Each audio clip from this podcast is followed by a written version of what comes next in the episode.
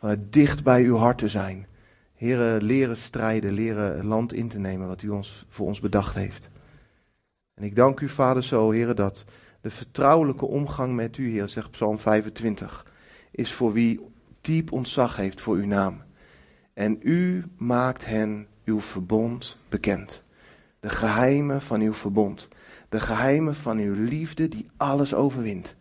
En alles als het ware naar zich toetrekt om intiem mee te zijn. Heer, dank u wel. En zo bid ik, Heer, vandaag dat wij mensen zullen zijn, Heer, die diep ontzag voor uw naam hebben, zodat u uw verbond aan ons kan tonen in de volle rijkdom. In Jezus' naam. Amen. Het eerste plaatje mag erop. Want jullie zijn vandaag in de adult movie beland. Dus je kan nu nog weg. Ik ga vandaag met jullie spreken over seksualiteit. En um, wat ik eigenlijk achterkwam is dat we dit onderwerp helemaal niet vaak bespreken met elkaar. De laatste keer dat er over gesproken is. Fijn dat je er bent. Um, is uh, dat Chris uh, drie keer achter elkaar uh, sprak over seksualiteit. Maar dat is echt al gewoon drie, vier jaar geleden of zo. En dat is heel erg lang geleden. En ik dacht erover na en ik denk dat het eigenlijk misschien ook wel logisch dat we er zo weinig over spreken. Want het is best wel heel privé, seksualiteit. En soms omgeven met schaamte, met, met verlangen. En het is een kwetsbaar en ook wel heel gevoelig onderwerp, seksualiteit. En misschien is het wel daarom dat we niet zo gauw en niet zo vaak met elkaar spreken daarover. En toch is het een wezenlijk onderdeel van ons leven.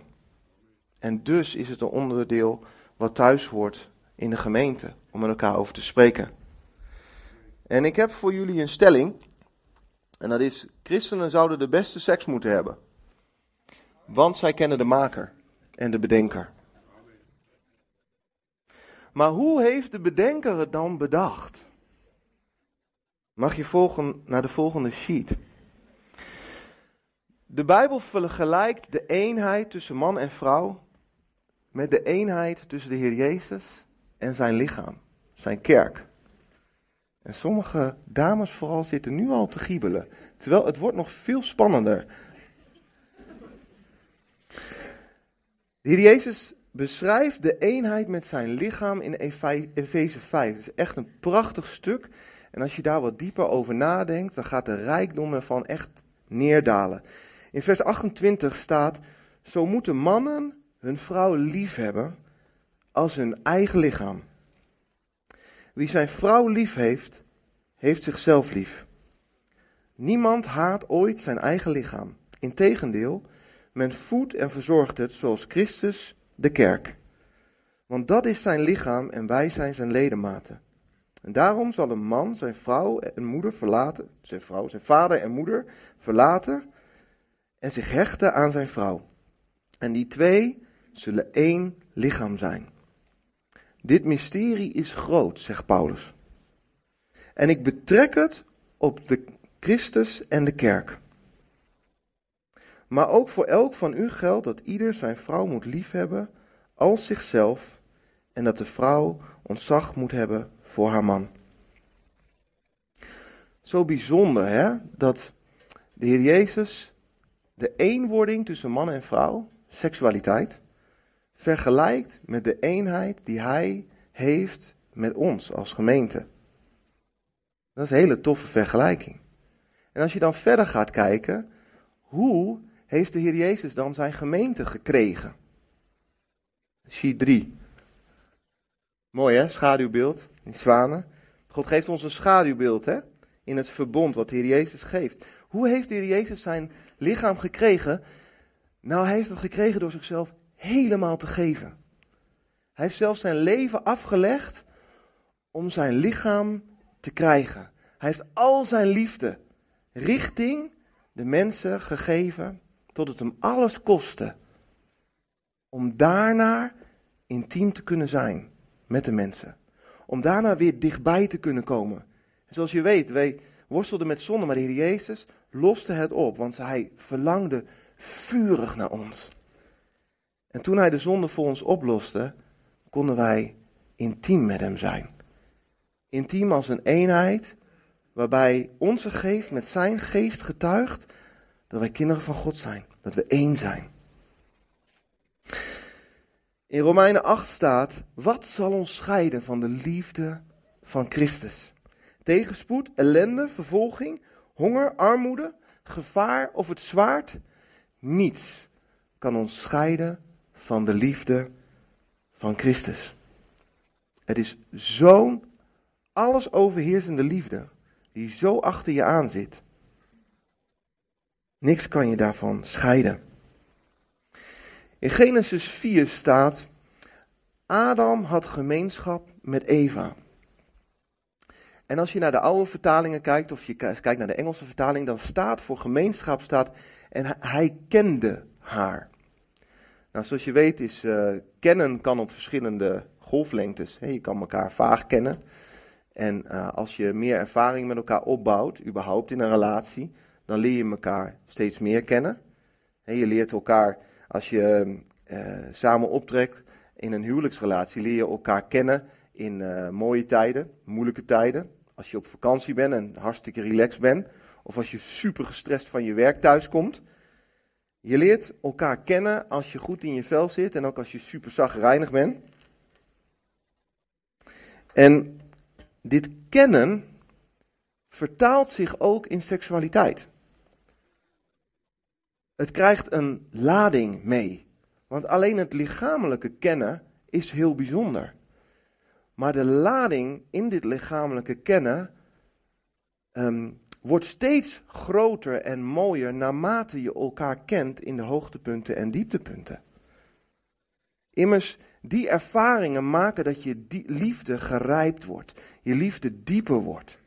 Kijk, als alles, als de zon elke dag schijnt en iedereen is op vakantie, dan is het leven redelijk te doen. Maar op het moment dat de wind tegenkomt en er komt regen, sta je dan nog steeds aan mijn zijde? Ben je dan nog steeds? Als ik aan het verliezen ben en als het me niet meer lukt en als ik niet die toffe gozer ben die ik op vakantie kan zijn met alles wind mee, ben je er dan nog steeds? En je kunt je voorstellen dat op het moment dat dit kennen en gekend zijn in je rijpt, dat zich dat ook vertaalt in je intimiteit, in je seksualiteit. Maar je moet je natuurlijk wel laten kennen. En dat is denk ik een geheim voor goede seks. Overgave. Je laten kennen. Weet je, um, de psalmist David zegt al, Heere, u doorgrond en kent mij. En ik, ik sprak daar een paar weken geleden over, wat is het heerlijk om gekend te zijn en niet afgewezen te worden. Maar nog steeds geliefd te zijn. Kortom, je kent, God kent alles van me, inclusief alle ellende. En hij doorgrondt mij en houdt nog steeds van mij. Ik ben veilig daarin. En het overgeven gaat, je overgeven gaat natuurlijk veel verder dan alleen in bed. Sterker nog, als je je niet volledig overgeeft aan elkaar in het dagelijks leven, in de omgang, dan zul je je ook niet overgeven aan elkaar in een seksuele omgang. Misschien wel lichamelijk, maar er zit nog veel grotere lading achter als het gaat over jezelf overgeven. En als je je wil overgeven, dat doe je niet zomaar. Daar is veiligheid voor nodig. Want wie gaat zich nou overgeven in een onveilige situatie? Dat gaat niet gebeuren. Wij voelen dat allemaal aan. 1 Johannes 4, vers 18 zegt: De liefde laat geen ruimte voor angst. Kijk, overgave en veiligheid en het gebrek daaraan heeft heel vaak te maken met angst. Onveiligheid is eigenlijk gebaseerd op angst. Je bent ergens bang voor. En de liefde, zegt 1 Johannes 4, laat geen ruimte voor angst. Volmaakte liefde sluit angst uit. Kortom, gedraagt zich zo dat angst steeds meer naar buiten gewerkt wordt. En je verbinden vol met liefde bent. Want angst veronderstelt straf. En in deze context zou ik het ook nog even willen zeggen. Angst veronderstelt onveiligheid. Of oordeel. Of afwijzing. In iemand die angst kent, is de liefde geen werkelijkheid geworden. Wij hebben lief omdat God ons eerst heeft lief gehad. En misschien, misschien herken je dat wel in je relatie met God. Want waar we het nu over hebben, intimiteit, seksualiteit, is een totaal schaduwbeeld voor de liefde en eenheid die God met ons wil hebben. Maar zijn liefde is ook een liefde die niet loslaat en een liefde die verovert. Een liefde die je niet zomaar binnen kan laten, want je voelt je in het begin nog kwetsbaar. Maar we hebben het al vaker gehad over die muurtjes die God steeds verder afbreekt, tot hij jou werkelijk kan liefhebben, zoals jij helemaal bent en jij je helemaal kan overgeven aan die liefde.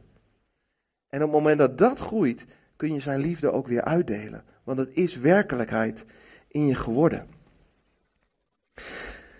En als je het hebt over überhaupt de relatie met God, maar ook in een relatie tussen twee huwelijkspartners. Als je het hebt over seksualiteit, hebben we allerlei angsten.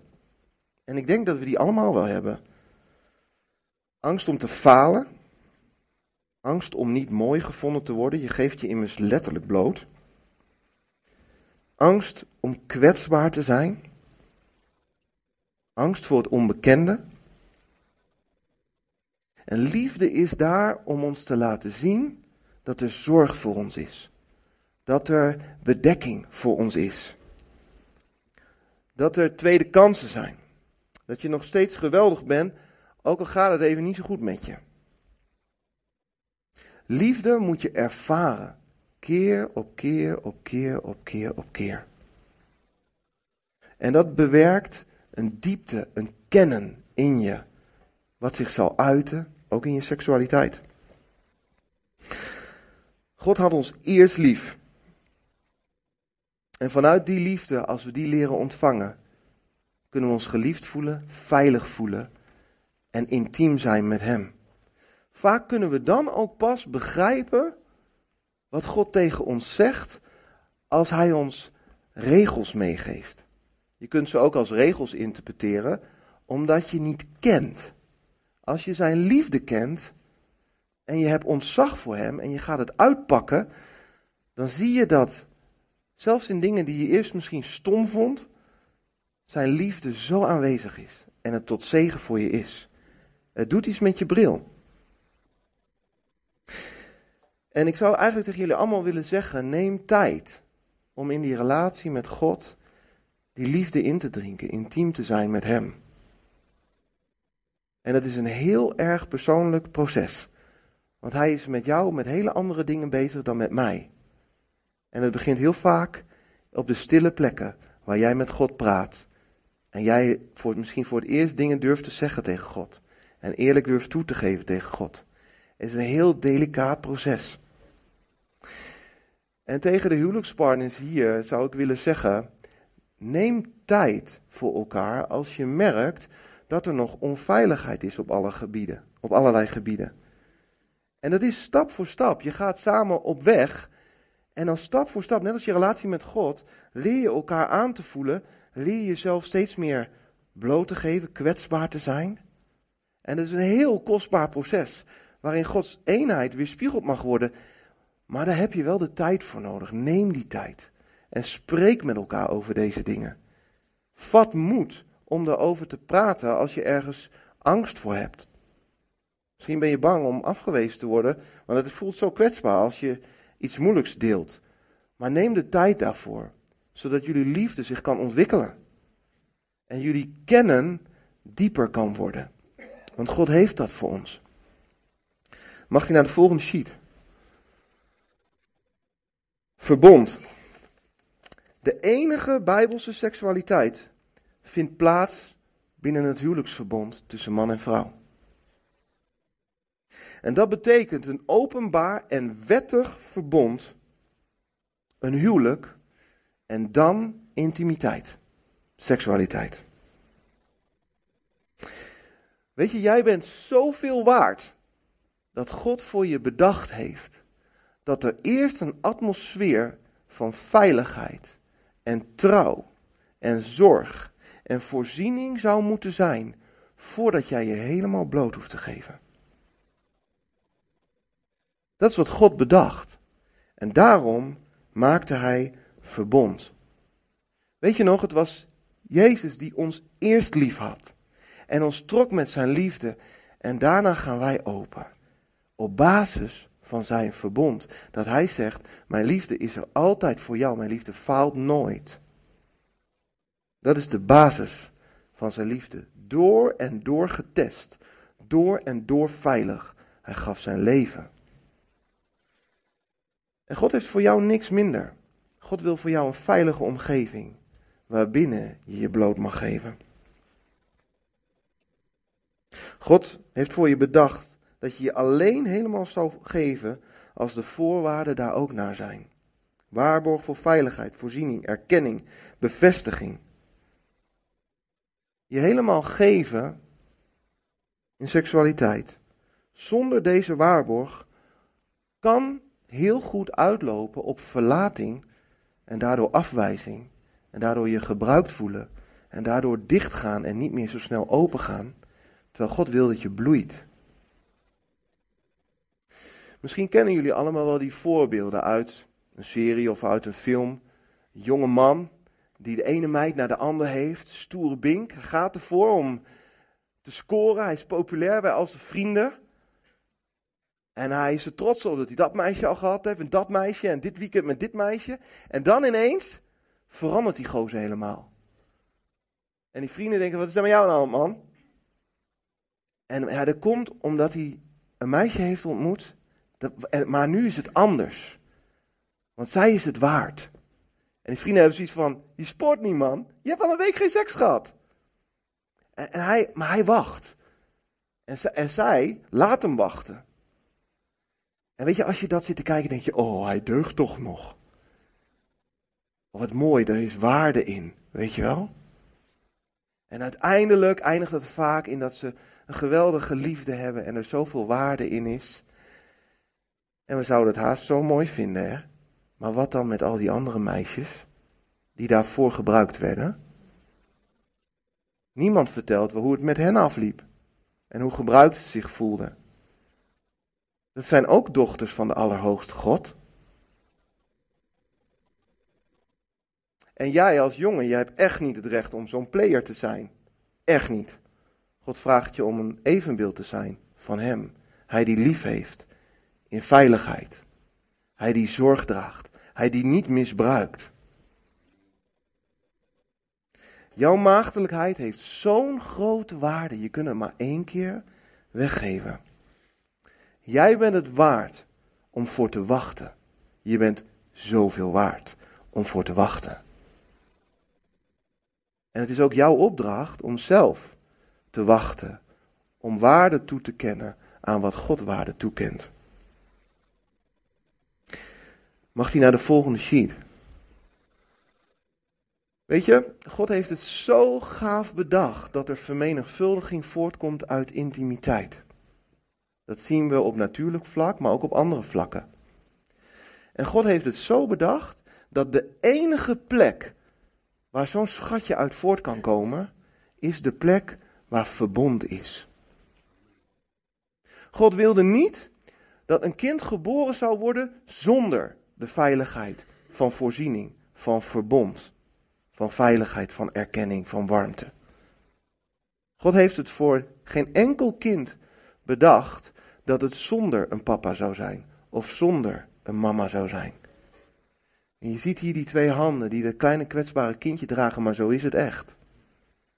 Die kinderen hebben nodig dat er een papa en een mama boven die wieg staat. Om ze te bewonderen, om in hun ogen weer spiegel te zien hoeveel liefde er is. En weer spiegel te zien wat God bedacht. En daarom is het ook zo belangrijk om seksualiteit te plaatsen binnen het verbond, zodat er nooit een kleintje zou zijn die niet die veiligheid zou hebben. Dit is wat God wil. Zo bouwt Hij een volk, zo bouwt Hij een cultuur van veiligheid, liefde en eer. En dit kleintje zal opgroeien, zich weer spiegeld zien in de ogen van papa en mama. Totdat hij zelf groot genoeg geworden is om zichzelf in een verbond te geven aan een ander. En hij het voorbeeld gehad heeft over hoe God het bedacht heeft. En hij de liefde kan doorgeven aan de volgende generatie. En zo verder en zo verder. Mag naar de volgende sheet. Seks is gemaakt om te genieten. God wijdt er een heel boek aan in Hooglied. Aan de passie tussen man en vrouw. Het staat zo beschreven dat als ik passages zou voorlezen, we allemaal met rode wangetjes zouden zitten en hier en daar wat grinnikend vanwege de prachtige vergelijkingen die daarin staan. God heeft seks gemaakt om van te genieten. Het drukt uit de diepe passie die God heeft voor ons. Het vuur wat in zijn hart brandt voor ons. Hij is zo gepassioneerd voor ons. En dat vind je terug in seksualiteit. Hoe je gepassioneerd kan zijn voor je partner. Ziet wat God heeft bedacht. Heel veel mensen hebben Hooglied geestelijk uitgelegd en dat is waar.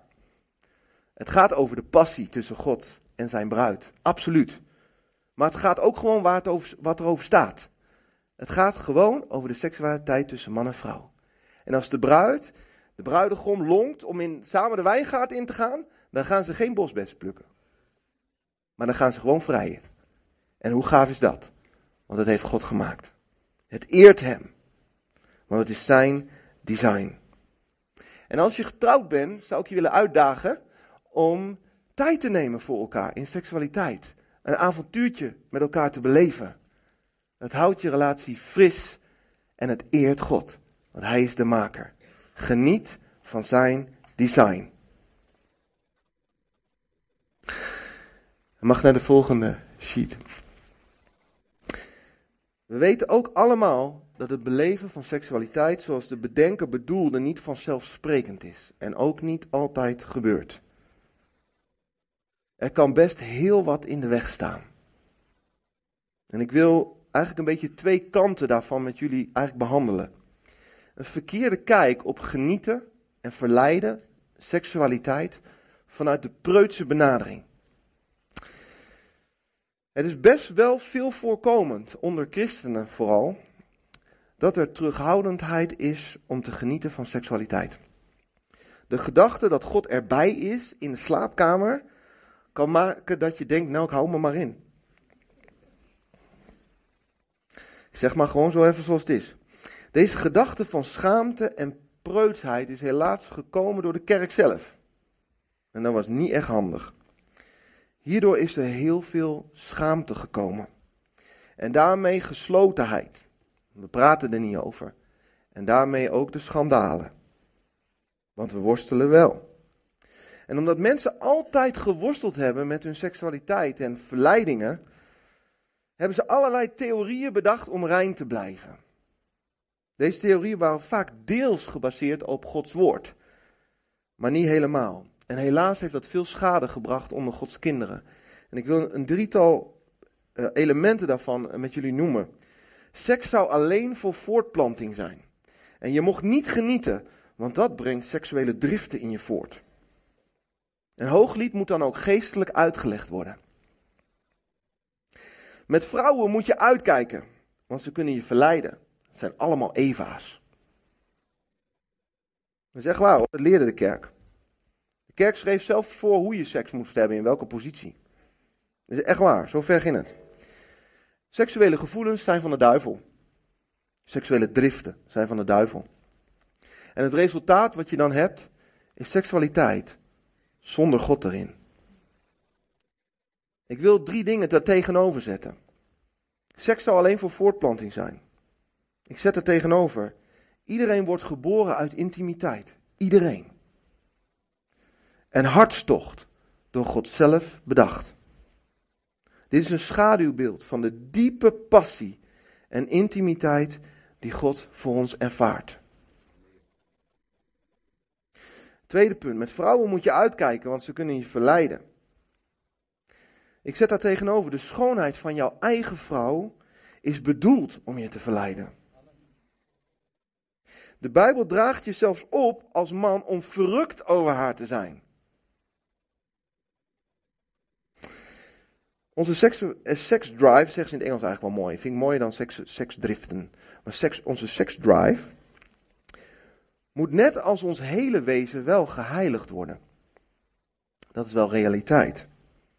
Er is dus wel een worsteling met verleiding. Die is er wel.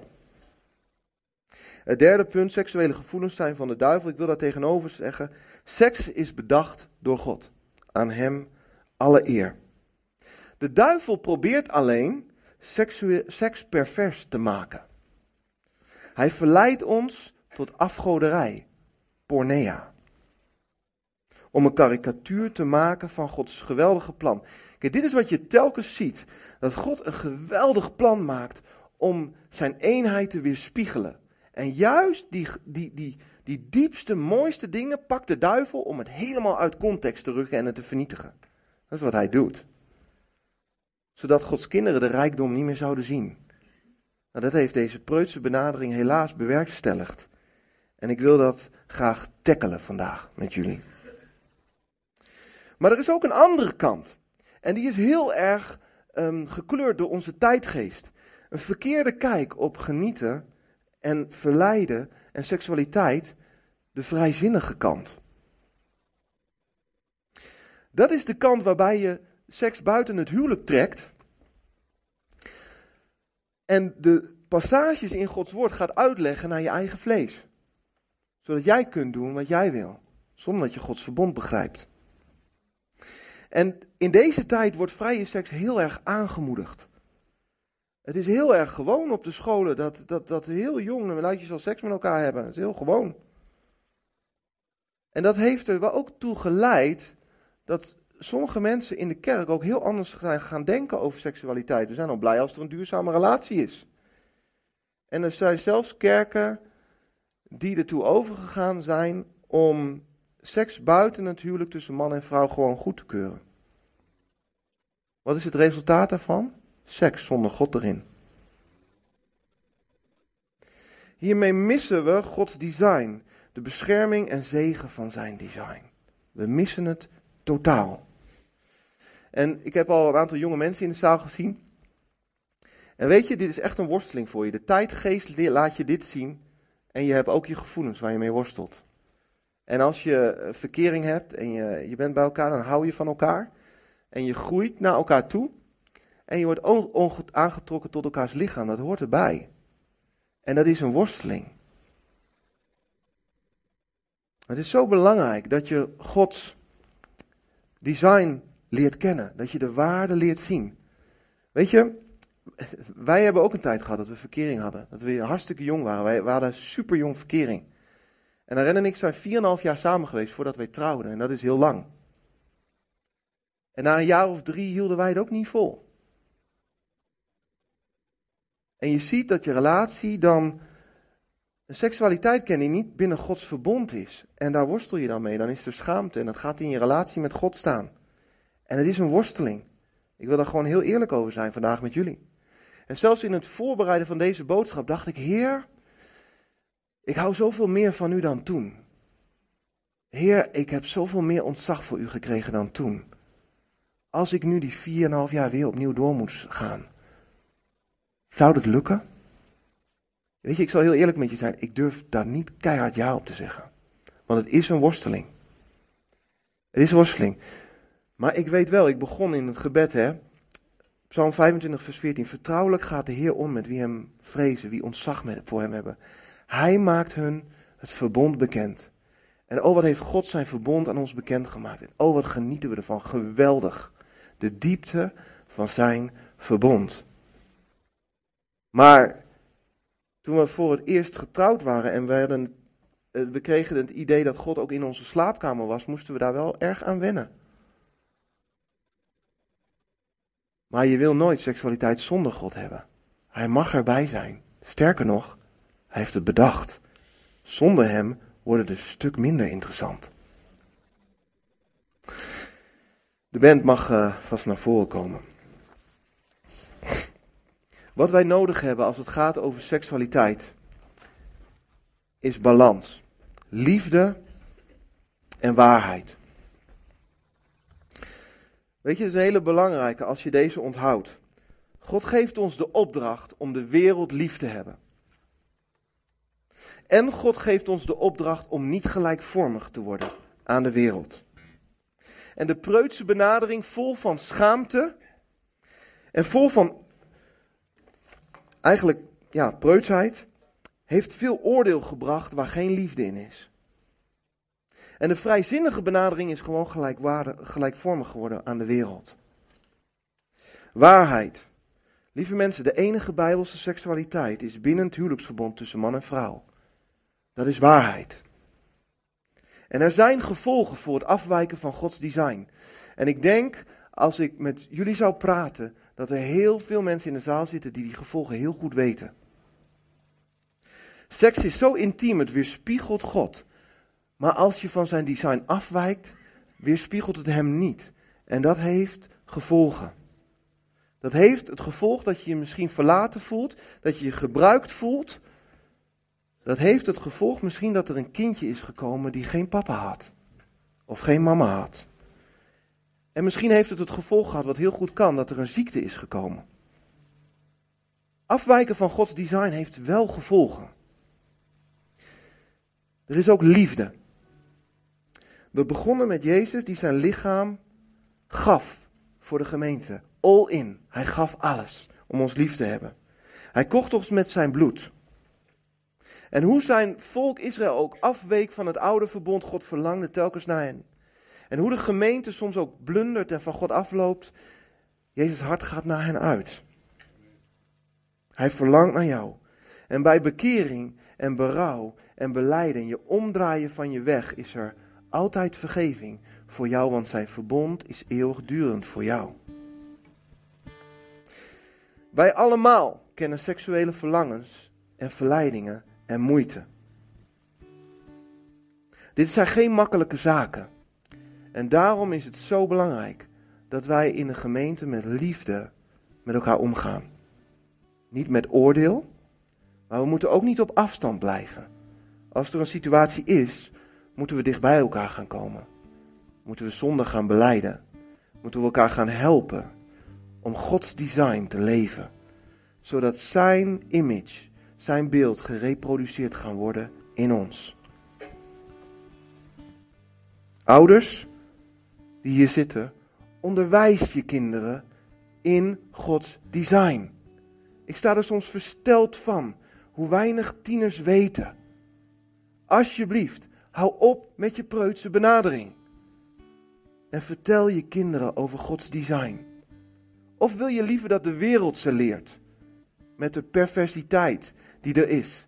Ze hebben allemaal een mobiel met internet. En zelfs als je onschuldig aan het googelen bent, krijg je al dingen voorbij. Hoe snel zijn er beelden die binnenkomen? Denk maar niet dat het je kinderen voorbij gaat. Maar wees het voor. De Bijbel zegt: prent het je kinderen in. Spreek met hen daarover. En wees eerlijk. Ze hebben het nodig Gods design te kennen. Ik spreek mensen, en ook uit deze gemeente, die het niet weten.